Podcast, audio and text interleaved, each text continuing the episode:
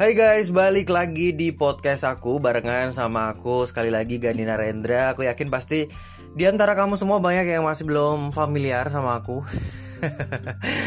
Jadi nggak tahu kenapa bawaannya kalau misalnya lagi podcastan gini, pengen banget buat hmm, sesering mungkin nyebutin nama aku pribadi Gani Narendra ya. Harapannya adalah supaya kamu bisa uh, ingat ya secara otomatis dan harapannya biar kamu di alam bawah sadarnya itu bisa langsung meresap ya.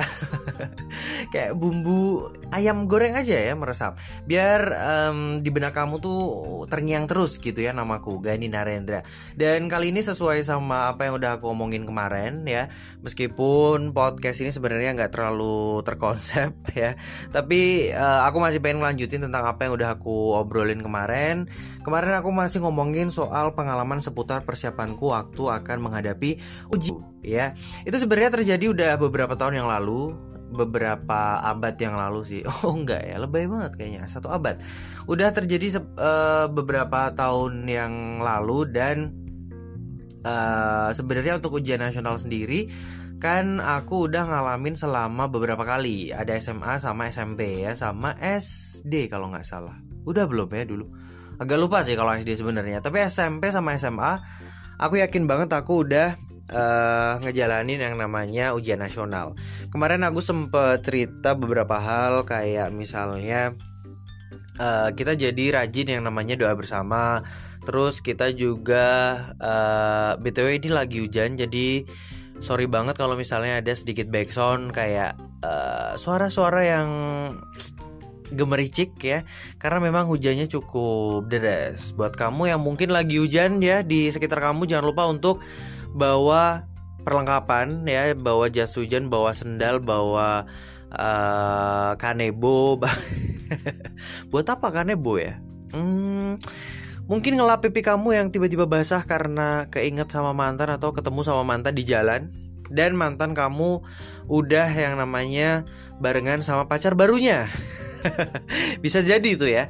Dan kali ini aku bakal uh, sharing kayak yang udah aku bilang tadi untuk ujian nasional yang pernah aku hadapin biasanya kemarin yang udah-udah itu aku um, sama teman-temanku kita nggak tahu kenapa di tahun-tahun terakhir di SMA kita jadi lebih rajin untuk beribadah ya. Dan untuk ibadahnya itu nggak cuma individu nggak cuma sendiri-sendiri gitu di rumah di kamar tapi kita juga uh, rajin banget ya malam-malam itu kita janjian terus kita saling ini saling care ke teman-teman yang lain di mana yang udah bangun duluan harus miss call miss call ya harus bangunin teman yang lain yang mungkin masih tidur. Di situ kita nggak tahu sih sebenarnya yang dibangunin itu uh, tidur beneran. Sebenarnya yang dibangunin itu bangun beneran atau cuman iya iya aja. Tapi uh, yang harus kita lakuin di saat kita udah bangun duluan kita miss call temen yang lain gitu. Dan uh, kita sepakat kayak gitu dan it works sih ya. Itu um, bermanfaat banget berfaedah banget karena terutama yang cowok-cowok ya kita nggak terlalu nggak terlalu rajin untuk bisa bangun malam apalagi buat melaksanakan ibadah ya. Tapi nggak tahu kenapa karena banyak sekali miss call yang berdatangan jadi mau nggak mau kita uh, bangun malam untuk ibadah sholat tahajud ya. Karena kebetulan uh, aku sama teman-temanku muslim gitu. Dan kadang kalau misalnya kita nggak ngantuk banget habis sholat malam itu kita uh, nyempetin untuk belajar dulu sebentar. Meskipun kalau aku jujur intensitasnya kayak nggak nggak nggak sering sih. Karena itu wah parah sih. Ngantuknya bakal dahsyat banget dan eh, nggak uh, tahu kenapa di tempatku meskipun apa ya meskipun udah habis sholat gitu ya habis muke kita ya. Muka kita habis dibasuh sama air wudhu tapi nggak tahu. Kalau tengah malam tetap bawaannya ngantuk dan uh, mungkin karena cuaca itu lebih dingin terus waktu itu juga musim hujan ya karena hujan nasional di bulan-bulan April Mei gitu kan. Dan ya memang musim hujan lagi hujan hujan deras-derasnya gitu kan. Dan eh, nggak uh, tahu kenapa kalau bangun malam habis sholat tahajud kayaknya rasanya pengen langsung balik tidur ke uh, kasur ya. Godaan kasur eh kasur lagi. Godaan kasur ya kayaknya lebih dahsyat dan lebih kenceng magnetnya. Gaya gravitasi uh, di saat malam-malam itu kayaknya yang ditimbul yang ditimbulkan oleh kasur itu kayaknya lebih kenceng daripada gaya gravitasi yang ada di benda-benda lain gitu. Dan ngomongin soal uh, intensitas dalam beribadah waktu aku ujian nasional dulu dari sekolah sendiri punya program ya yang memang dikhususkan buat uh, teman-teman kelas 3 di mana habis mata pelajaran yang pertama kita itu nanti bakal dikasih kesempatan secara bergilir dikasih kesempatan secara bergantian buat ngelaksanain yang namanya sholat duha gitu. Itu asik sih cuy. Jadi uh, aku termasuk anak yang nggak pernah telat sih sebenarnya. Buat masuk sekolah cukup disiplin ya. Jarang telat um, meskipun bukan yang paling pagi gitu sih. Tapi uh, aku taat sama peraturan di mana datang ke sekolah tepat pada waktunya dan uh, termasuk anak yang tertib. Gitu. Tapi nggak tahu kenapa jam-jam setelah jam pelajaran yang pertama itu adalah jam-jam yang super ngantuk. Aku nggak tahu ya apakah mungkin itu efek dari aku bangun tengah malam ya. Sebenarnya nggak um, blaming bangun tengah malam juga sih, tapi uh, berusaha menganalisis secara ilmiah ya. apakah uh, apakah waktu tidurku memang kurang ataukah memang aku anaknya ngantukan kalau pagi nggak tahu juga sih ya. Tapi yang jelas uh, yang aku rasain aku masih ingat banget kalau misalnya habis jam pertama itu selalu rasa ngantuk yang melanda. Uh, dan di saat kita pengen berusaha ngopi gitu atau berusaha makan sesuatu makan camilan itu tapi waktu untuk istirahat yang pertama jam-jam sembilanan gitu belum tiba gitu. Jadi antara jam 7 dan jam 9 pagi itu kayaknya cobaan banget sih buat aku pribadi karena ngantuknya luar biasa. Dan aku merasa tertolong banget karena waktu itu ada jadwal uh, karena kita akan menghadapi ujian nasional kita harus yang namanya sholat duha. Aku senang banget karena kita bisa sedikit gerak ninggalin bangku uh, tempat duduk kita ya. Ninggalin kelas buat sedi uh, buat sedikit menghirup udara segar buat sedikit keluar dari ruangan dan muka kita terbasuh oleh air wudhu gitu. Dan kalau misalnya siang-siang gitu siang-siang pagi-pagi ya pagi-pagi gitu mau sholat duha terus terbasuh air wudhu uh, cukup membantu karena aku bisa sedikit seger apalagi diselingi sama bercanda-bercandaan sama teman-teman ya. Meskipun mau sholat atau mungkin habis sholat duha kita adalah kayak jokes-jokes receh atau mungkin uh, apa ya hmm, pokoknya banyak hal yang aku lakuin sama teman-teman yang bisa uh, bikin aku jadi nggak ngantuk. Hal-hal konyol hal-hal kecil yang mungkin uh, sepele tapi ya uh, membangunkan aku dari kengantukan aku ya. Dan itu sumpah nggak tahu kenapa kalau ingat itu kayaknya seru banget. Barengan sama teman-teman kita ngantri wudhu terus kita sholat bareng-bareng habis itu kita doa bersama. Dan sebelum balik ke kelas kadang kita melipir dulu ke kantin ya. Di kantin yang letaknya paling ujung yang paling jauh dari yang namanya ruangan kepala sekolah sama ruang guru itulah yang bakal kita satronin ya yang bakal kita samperin. Dan kita ke kantin dulu nyempetin ya satu teguk es teh ya. Atau mungkin kayak jajan gorengan gitu barengan sama sambel dicocol sambel dan kalau pagi-pagi gitu aku inget banget ada gorengan yang aku tunggu-tunggu di mana biasanya gorengannya masih panas. Dan itu barusan aja di um, tiriskan dari penggorengan. Waduh ditiriskan ya kayak Siska Suitomo ya.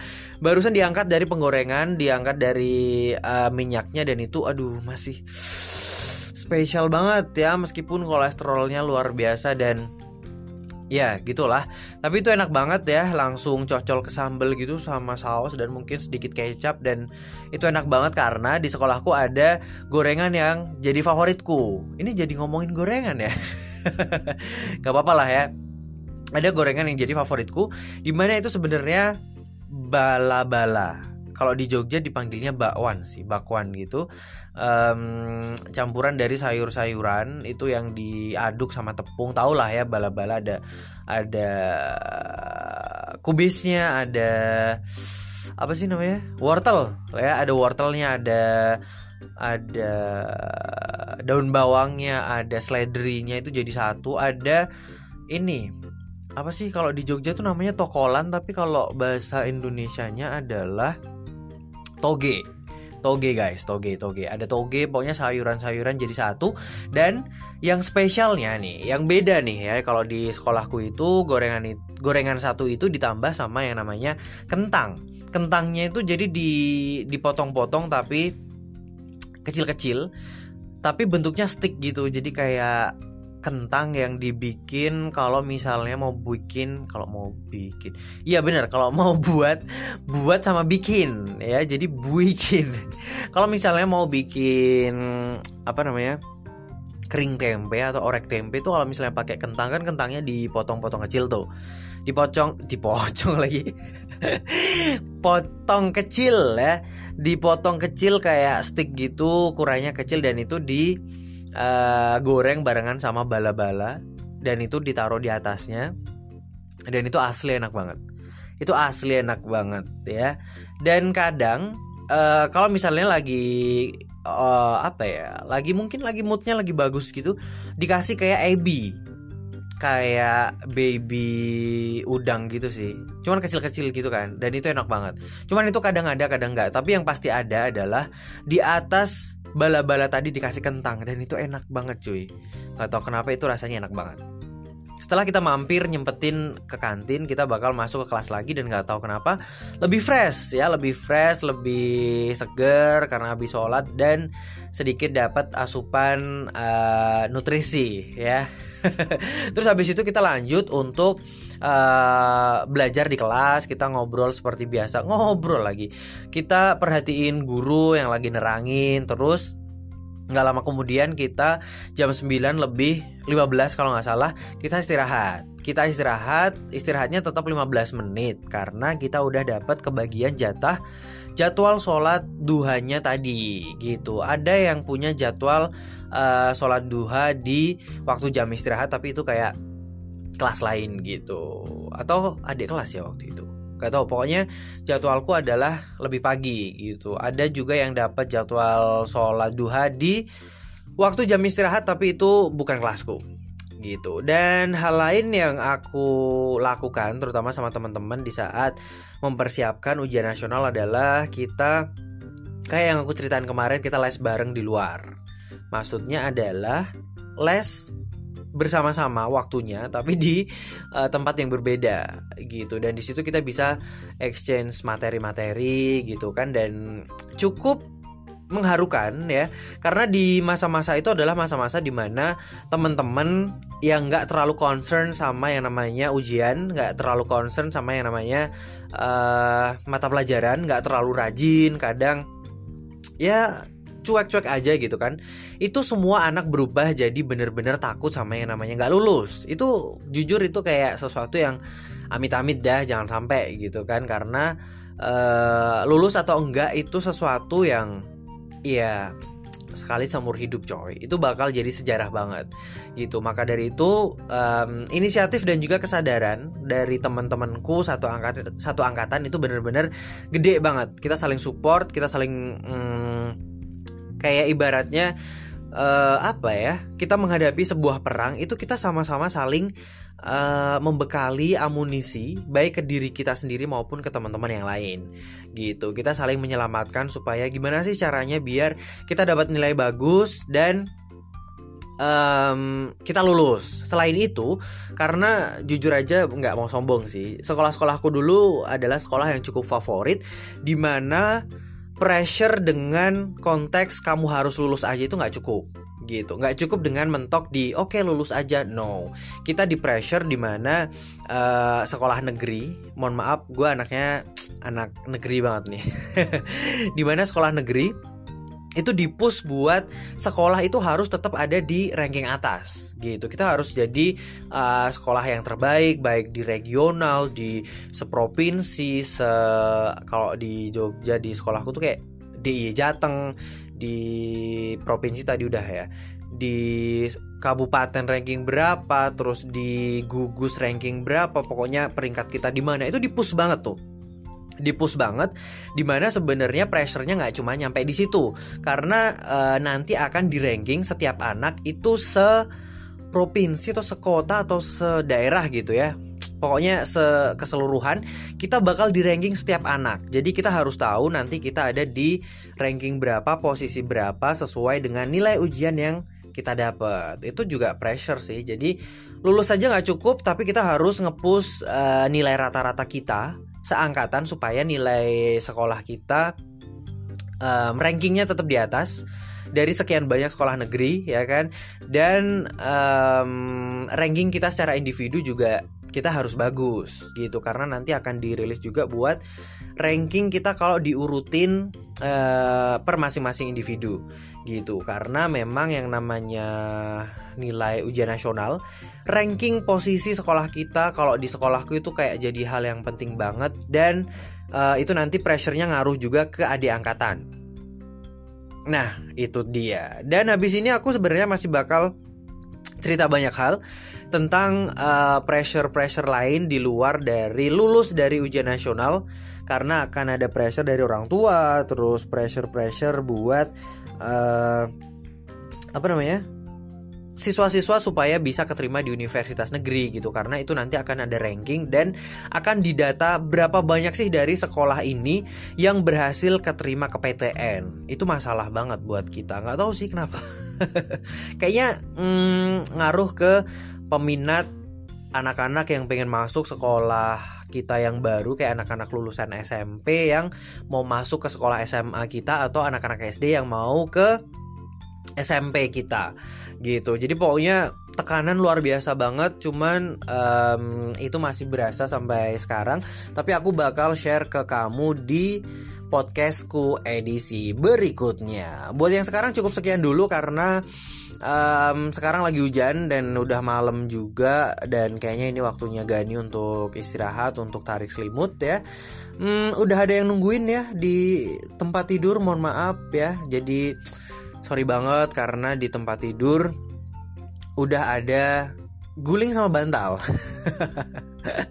Gak lucu ya, gak lucu nih kayaknya. Pokoknya sekian dari Gani Narendra. Nantikan terus podcast podcast podcast podcast aku berikutnya. Jangan sampai kelewatan dan aku masih bakal bagiin pengalaman pengalaman seru aku. Semoga bisa berkesan buat kamu dan semoga bisa jadi pengalaman baru kamu. Gani Narendra pamit. Bye bye.